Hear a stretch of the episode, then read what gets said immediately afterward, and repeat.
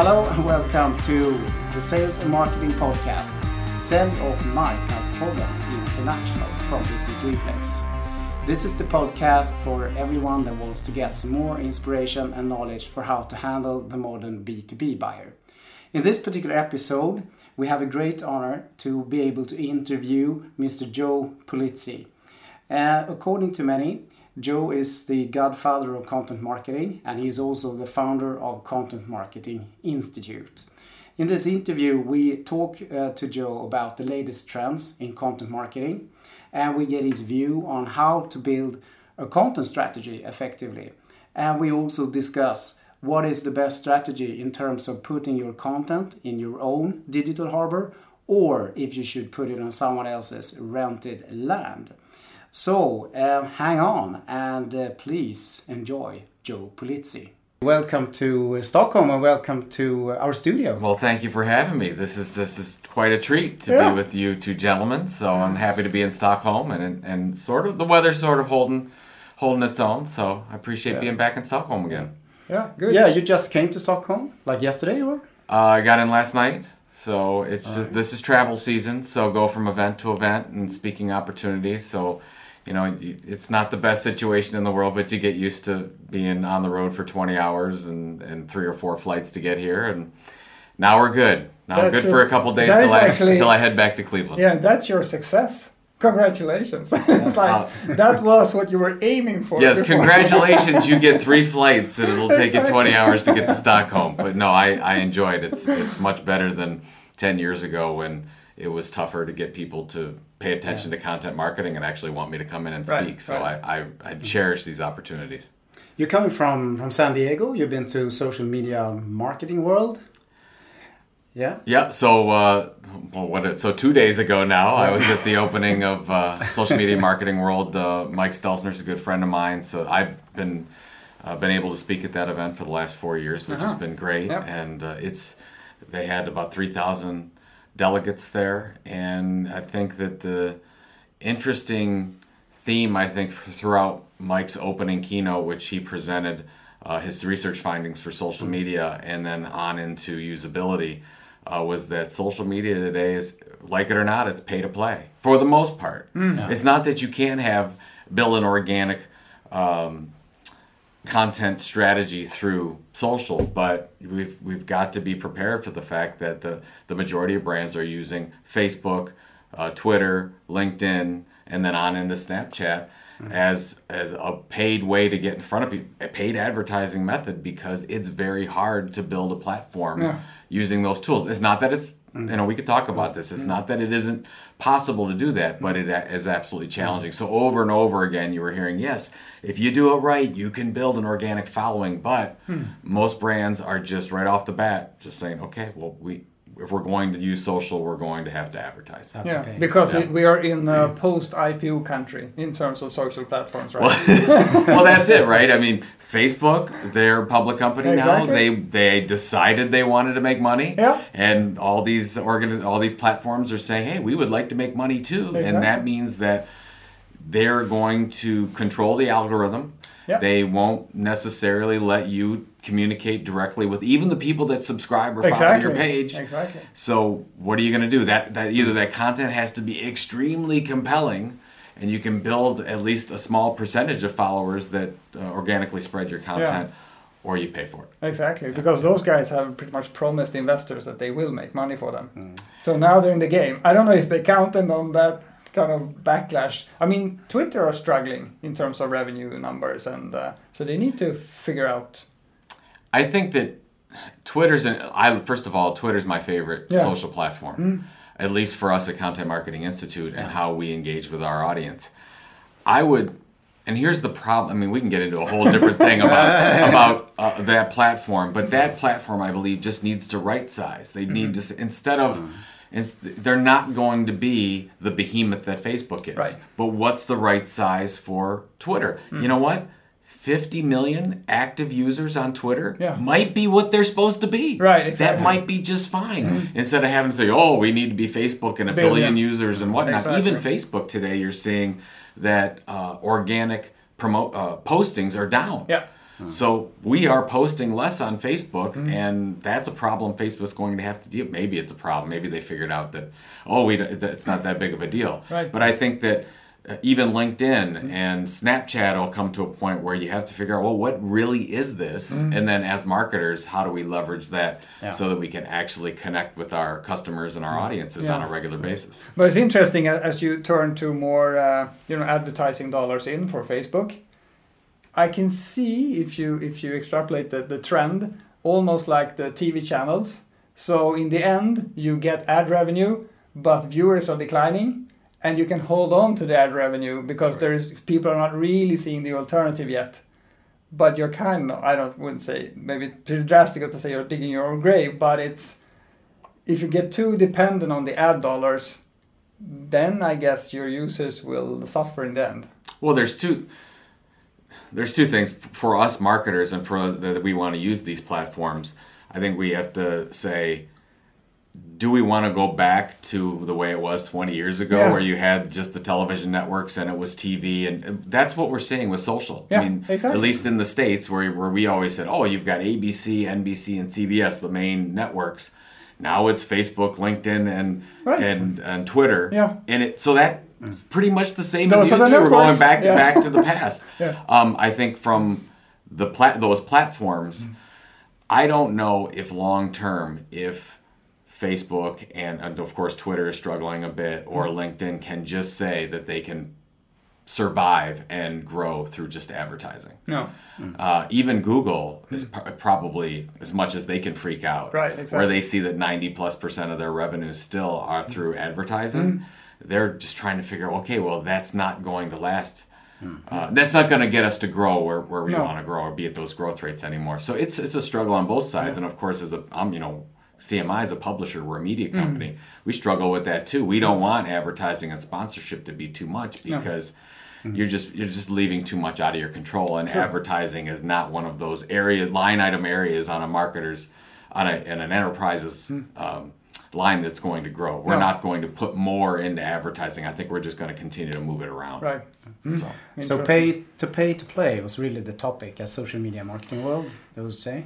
Mm-hmm. I'm a little bit curious about uh, this uh, sort of kind of famous party. I know a lot of the listeners uh, they, they know what, what this party is all about. aircraft carrier. The uh, the party at the aircraft carrier. The party- Joe, you you were there. Third, yeah, my third year in a row, Third I year. made the aircraft carrier. It, it act- is actually quite interesting, where you've got all the old planes, and uh, you're, you know, to have a couple thousand people all milling around, getting drinks, and, and you see the history in front of you. It was a, it was a great party. Of course, the team at uh, Social Media Marketing World they do it up big every year. Mm-hmm. Unfortunately, I had to leave right before they took the uh, the the. Uh, You, the- you the left trip. one of the airplanes I- on the carrier. Yeah, exactly, exactly. There was a there was an ocean trip that they took Okay. the the next day, but yeah, I was already in the air on my way There you go. here and had to miss that. But uh, but it, the crowd is interesting. I mean, the the majority of the people there are smaller businesses, uh, even smaller agencies. And uh, when when Mike Stelzner put up the opening about who's here. The majority of those people have only been on social media for, for two to three years. Uh-huh. So it's a I mean, it's a little diff- different from our audience and content marketing world, which I think is a little bit more advanced. Uh, they've been working on complex content strategies for a long time. Right. Uh, but you've got a lot of businesses out there that are just saying, "Hey, uh, what should I do on Facebook?" And if that's your question you need answered, social media marketing world is absolutely perfect Right, for you. right. Yeah. Yeah. All right. We um, um, so things are happening quite a lot around uh, content marketing. It's been around for quite some time now. What what would you say is sort of the, the state of content marketing at the moment, Joe? And it's interesting at the opening keynote at Content Marketing World in September of 15, I talked Yeah. about how do you match up where is content marketing with when you look at the Gartner hype cycle. So very popular. Uh, if you if you know Gartner's hype cycle, you basically look at it as uh, to how technology moves through and adapts and grows and then becomes more mature. And I, I talked about how I believe content marketing is falling into what we call the trough of disillusionment which isn't yeah it gets us very excited right? Now so where have we been? Basically over the last so you said it's it's a very old discipline and approach. It is. It's mm-hmm. hundreds of years mm-hmm. old. Obviously we talk about on our own podcast as you know this whole these great examples. we give these very old examples. You know john deere's the furrow magazine from 1895 is one of my mm-hmm. favorite examples that we talk about all the time. But when we had this whole technology boom and now mm-hmm. that we could actually communicate with our audiences directly and now that our mm-hmm. audience audience members have a 24/7 device with them at all times they can get any content they want they can also ignore all advertising at mm-hmm. will. We saw this boom and this buzz if you will around content marketing and companies of all sizes were just jumping in and saying oh yeah we want to publish. This is great. We're going to do blogs and, and wikis and we're going to create content on our facebook page and and newsletters and all this stuff so it's great. Mm. Well what's happened over the past year or two is i think that m- uh, many of those people that jumped into content marketing didn't really understand how to do it the right way. Right. Uh, the execution side of it. they were they were very much like oh they were they were saying let's do it because we can not because we mm. should or because it's going to help us solve an organizational mm. problem mm-hmm. or help us solve an audience pain point Right, right. in any way mm-hmm. So you see a lot of those companies even large companies that were saying well that that blog we tried that that didn't work or that online mm. content pla- mm. platform or that, it didn't, that it magazine didn't create the, the leads that our normal cold calling does. So it, it's a failure. and, and, and, and the timetables to that I think were too short. In a lot of cases, they were expecting results. I talked to a manufacturer the other day that started a podcast, and they were expecting pretty significant results in six months. And Yeah. I said, "Why would you? Why Hmm. would you think that?" Mm. Well, because that's how we look at our pro. We start something, and we need to see X, Y, Z deliverables in six months. I'm like, that's not how content marketing works. Hmm. No. I said, you're trying to build a loyal relationship with an audience. You think you can do that in six months? Right. Media companies don't think they can do that in six months, but you think you can? no, you can't. It works a little bit different. Yeah. If your expectations are six months or less, go buy advertising. Yeah. Go do direct marketing. Go Cold- do something cold where you- call. go cold calling. Tell them go do something where you're going to interrupt somebody from- Yeah. from what they're currently engaging in and try to say, "Hey, look at me.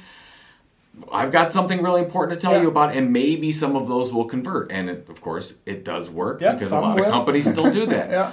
Well, let's say that you want to build an asset over time and you want to build an audience that knows, likes, and trusts you. I think you at least have to give that 12 months. Yeah. And you have to consistently deliver. I think that's the one of the reasons why we've fallen into this trough is that most, let's look at B2B companies. Mm-hmm. Most B2B companies say, okay, here's the issue that we're going to focus on. Here's the customer pain point that we're going to start to talk about and we're going to start to educate our customers on. That we really feel that we can be one of the leading experts in the world in helping them in their educational process, whatever.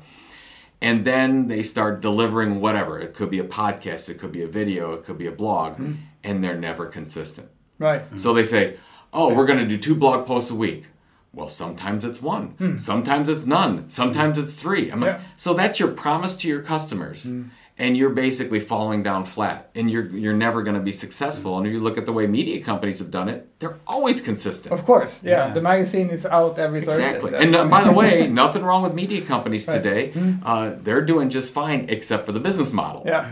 I mean, they're- they're getting the their audience members, they're getting interaction, they're getting engagement. So everybody's like, "Oh no, pu- publishers are really in trouble." No, they're actually fine. They just have to switch their business model. That's a whole another Right, right, podcast we right. could talk about. Exactly. But I think that's But that's the issue. wise, they are, of course. A lot of B2B companies just aren't doing the basic things, basic things with publishing 101 Hmm. that content creators know works and they're they're just they're basically taking here's what I know about marketing and I'm going to put push that on into publishing and it simply doesn't work. No. And I I know you've been talking about uh, some trends lately where traditional B2B companies or larger corporates are actually starting to buy media companies or maybe even buy agencies because I guess they realize that this is like a challenge. If you're going to really be, be able to do it, you need to have those types of people on board in your organization because you need to be consistent. You need to think as a media company and so on. Is it a clear trend or, or is it just starting to happen? It's so the we've been seeing a lot of companies look at the opportunities to say, hey, um, maybe we don't want to spend as much time and cultivate a subscriber database. Maybe there's a shorter time to market. Hmm. And there absolutely is because you have bloggers, you have influencers, you have smaller media companies, you even have mid-sized to large media companies that an enterprise could look at and say, well, maybe we should purchase one of those hmm. platforms. Hmm. Let's look at a blogger, for example. Let's Yeah. just say there's a blogger in in a, in a certain manufacturing niche that has 10,000 subscribers. Right. Well, let's say that you're SAP and you could come in there and say, well, um, how long would it take us to build in that particular niche 10,000 subscribers? It might take us a couple of years to do that. Well, maybe we could just purchase that platform. Mm. And that's mm. that's absolutely the way they should be looking at it Right. because if you're a media executive, mm. that's how you look at anything when you go to market and you say, well, should we launch a magazine or a, a con- online content platform or should we buy one? And you do that every time before Right, you right. launch because there might be a better way to do it. So I think that now you've got brands that are starting to realize, hey, we could do that.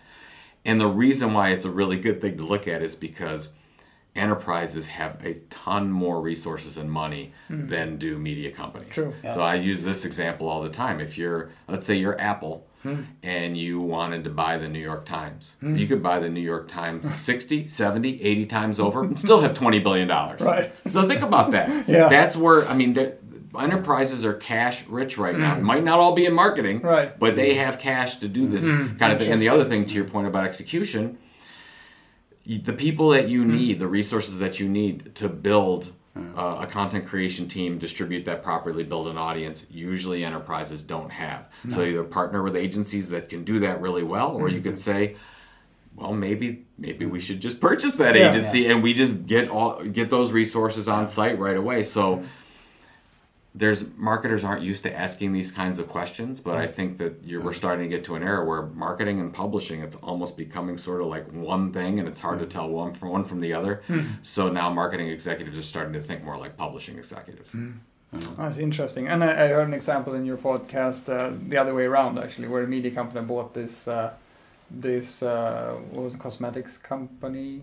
Oh, what was the name? She knows or something Yeah, like exactly, yeah, yeah. absolutely. We just talked about that on the podcast. Yeah, so, it goes so- both ways. Well, that's the, that's the other thing. So so media companies that are relying on advertising, mm. what are they going to do? Yeah. They're going to need to sell products. Exactly. So they can either buy somebody that sells it, add that to their product line. A lot of how it's starting, they're getting into affiliate sales. Yeah. So that's step one, and now mm-hmm. they're going to move into actually buying mm. product and service lines or starting product and service lines.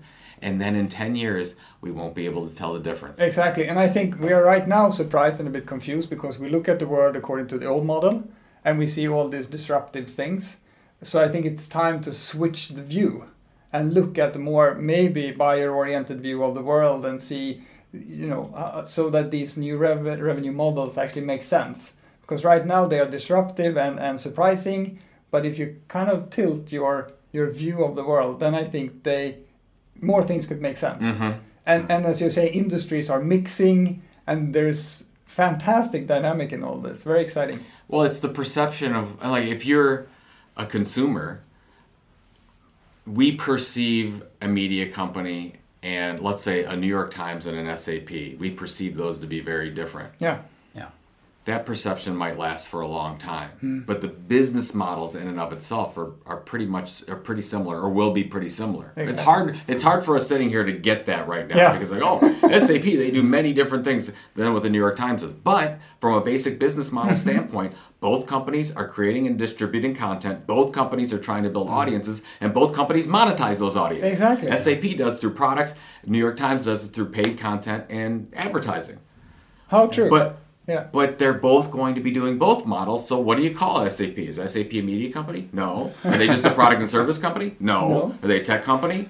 No. Well, yes, all, all of those things. Exactly. So it's just interesting to see that. And, and five years ago, when I started talking about it, people thought I was crazy. So they still do, but for other hopefully- reasons. but for totally other, totally other reasons. You got it. Right. Um, Another interesting trend, trend Joe, I would like to, to talk to you about is this uh, this thing uh, about uh, rented land uh, or putting everything in your uh, home safe digital harbor. Well, Andres and I, we we always been talking about it um, uh, from the perspective of put everything in your safe digital home sort of harbor, and uh, then use other mechanisms to uh, to attract people. Sure. Uh, but there's a lot of things going on here, and there's a lot of things happening here um, that uh, might be worth thinking about, or at least uh, you need to have your understand that and uh, decide sort of what to do about it from a strategic perspective. What's what's your view on on that and the things happening in this area? I think if you, let's say you, you, you look at a content marketing strategy and you want to go forward targeting a particular audience, and you're going to say, we want to do it the right way. We're going to do it focusing on, for the most part, one content type. Is it audio, video, or textual? One platform. Is it my blog or website? Is it a rented mm. platform like iTunes or YouTube? Then consistently deliver over time. So let's go to that platform issue. So the one is, all right, I'm going to focus on this particular audience, and I'm going to going to do it, which makes the most sense in blogging type style, or I'm going to write articles, or in audio style you can make the decision to put that on your own platform, which I always think is the best. Yeah. Like let's say your blog or website, mm-hmm. because you have the most control over that. Now, if you do that, it's going to take longer to get that up and running Right. because you're on an island all mm. by yourself. And mm. like you said, you have to go send out breadcrumbs all over the web to get including Google and mm. Facebook and Twitter to get people to come to that island. It's much harder to do that if you if it takes you two years and you get that regular stream from other sites, then great. Yeah. It's absolutely the perfect scenario. Yeah. But let's say you're starting today, and you're like, well, it's a little bit harder to to create it on that island because everybody's on they're all on, on Snapchat Exactly. and Facebook mm-hmm. and Twitter and they're they're on forums Yeah. and they're on other places. So you could absolutely make the decision to say, look, I'm going to build this thing, let's just say on YouTube. Let's say you're a B2B company Yeah. and you've got weekly educational videos mm-hmm. to your engineers and you're going to do this on YouTube. Well, YouTube is not a bad option because maybe you've done the research and your audience is there Yeah. So that you don't have to bring them back to your island. They're already there. You're mm. there having that. Yeah, go to them. Going to them. Well, so that's great. So let's say that you you have you get five thousand subscriber engineers to subscribe to that, and you're thrilled. Yeah. And this is the best thing in the world. The problem is, is that you don't really have access to those five thousand. You don't really own those. You know hmm. who owns them? YouTube does. Hmm. So here's the thing, and this is the thing that, that bothers us as marketers, right? Even though an engineer could subscribe to my YouTube channel, hmm. and we would assume the next time they go to YouTube that they would see our new video Exactly. because they subscribed. Not true. No. Because YouTube has been changing their algorithm, and they said, well, maybe I don't want to show your video, even though that subscribers actually clicked and liked that. Maybe I want to show Jimmy Fallon or Ellen Yeah. or somebody else. Or maybe- because that's going to help me sell eh, me YouTube sell more advertising. Exactly. So maybe Mm-hmm. the mm. worst competitor is actually throwing some bucks on the table, and then their video will. You be- ne- yeah, you never. So the, the point is, is that I have no problem. I mean, I'm, I'm a big social media proponent mm. and using channels. If you go and do that and you build your house on rented land, like a YouTube, like a Facebook, mm. like a Medium, we've been talking about on the on our podcast, you have to understand that when you get up tomorrow morning, it all might be gone. Right. It- Yeah. You have no control over how that content is used and how your relationships with those subscribers are. So you have to make sure you either you get them back to something on mm-hmm. which we think the number one thing would be email from that. So Yep. if you have YouTube subscribers, mm-hmm. how do you create content mm-hmm. offers and other opportunities that let's say go back to your home property, back to your island, Yep. so you can get their information because then you're like, okay, well if YouTube does go away or they change the algorithm, at least we have the database. True. Yeah. So Very good point. Yeah, you, you talked about Medium, uh, like pretty new thing Yeah. has popped up as a Yep. potential alternative, and um, uh, so maybe we should talk a little bit more about what it is actually. So me- know you you yeah. know it better than I. Medium is is a is a, is a beautiful publishing experience, and they built a, um a pretty good network of users and audience. Million, I don't know how many there are. It's it's not probably probably not even hundred million people, but it's a good size audience that are on Medium. And the articles that are created there are similar to some of the ones you've probably seen on LinkedIn, like Yeah. real out of the box, real interesting, a lot of thought leaders on that platform. And what's happening is there are a lot of businesses out there that are saying, well, there's a pretty good audience out mm. there on Medium. Maybe instead of creating our mm. own blog mm. or even blogging on LinkedIn, mm-hmm. maybe we should take that blog and blog on Medium. Mm-hmm.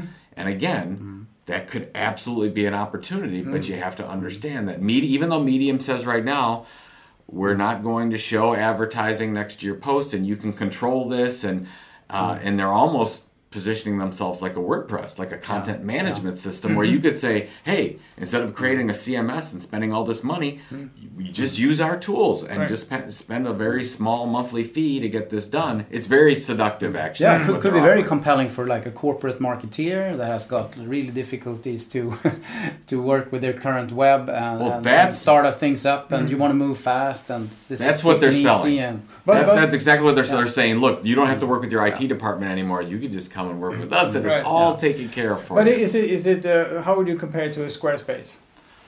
Um, the difference between a Squarespace is that Medium has its own network and community. When Right. you go to Medium, just like you go to Facebook or Right, go to right. YouTube, you sign up and you see, and and you will be fed based on how you look at content. Medium will feed Hmm. you other pieces of content.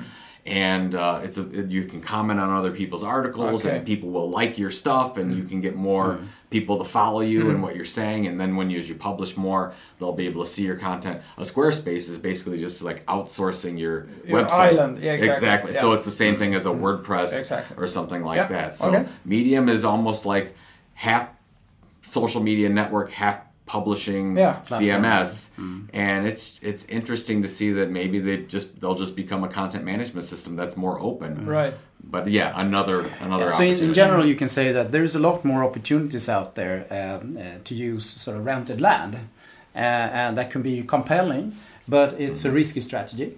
Uh, Yeah, you should be aware of the risk at least. At Yeah. least when That's you, exa- when you and it's That's a short-term strategy, not really a long-term strategy, if you don't know. Well, it.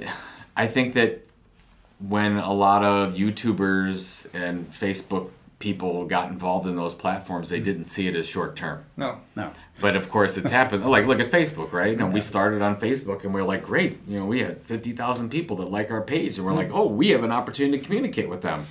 Well, no, you don't, because mm. Facebook changed their algorithm, and now they barely show any or, of your organic updates to that audience, audience unless you're going to promote it. Right. So, uh, to your to your point, I, I think I would say you just have to be aware of the risks. Yeah. Like just know that you don't control the changes could be made and how are you going to take the assets that you're going to build and the relationships you're going to build on that platform mm. and how do you have something left at the end of the day and that's why mm. the email comes into play mm. and getting people back to your blog or website in some way and interacting with them on more your terms. So we need to imagine medium post IPO.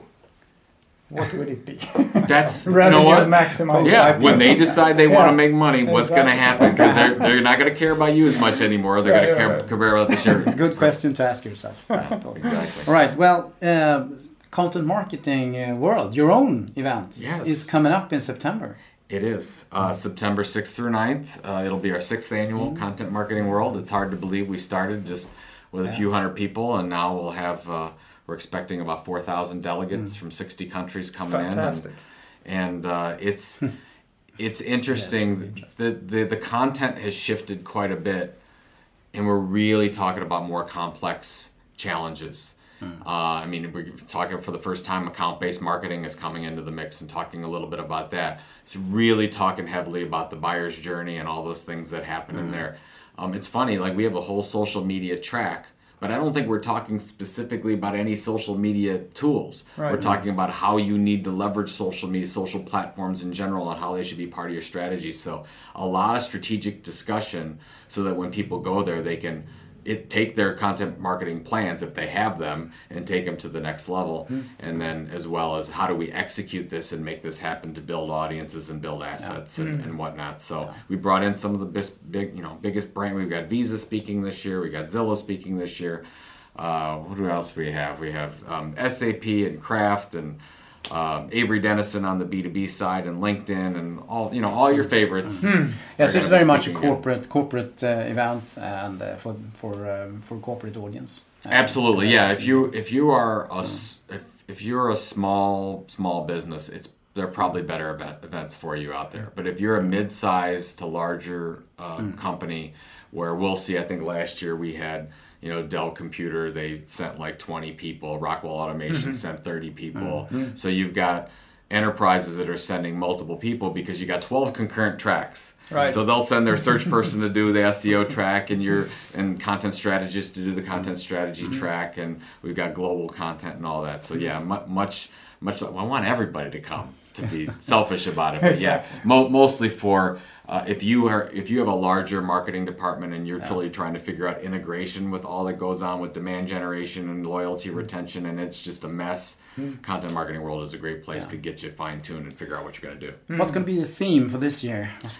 Well, we're set, we have a science fiction theme this year. We're, Science uh, fiction theme. We're uh, we're the, the theme is content strikes back. Content Strikes Back. So it's a little little bit of Star Wars uh, going on. Uh, Who so, came up with that? idea? So oh, you know Force our Awakens. wonderful our yeah our wonderful marketing team. So we have a couple uh, a couple Star Wars theme things Okay, that we're we're gonna do and have some fun because we love to have fun. We've got I don't know if you're familiar with the band Cheap Trick.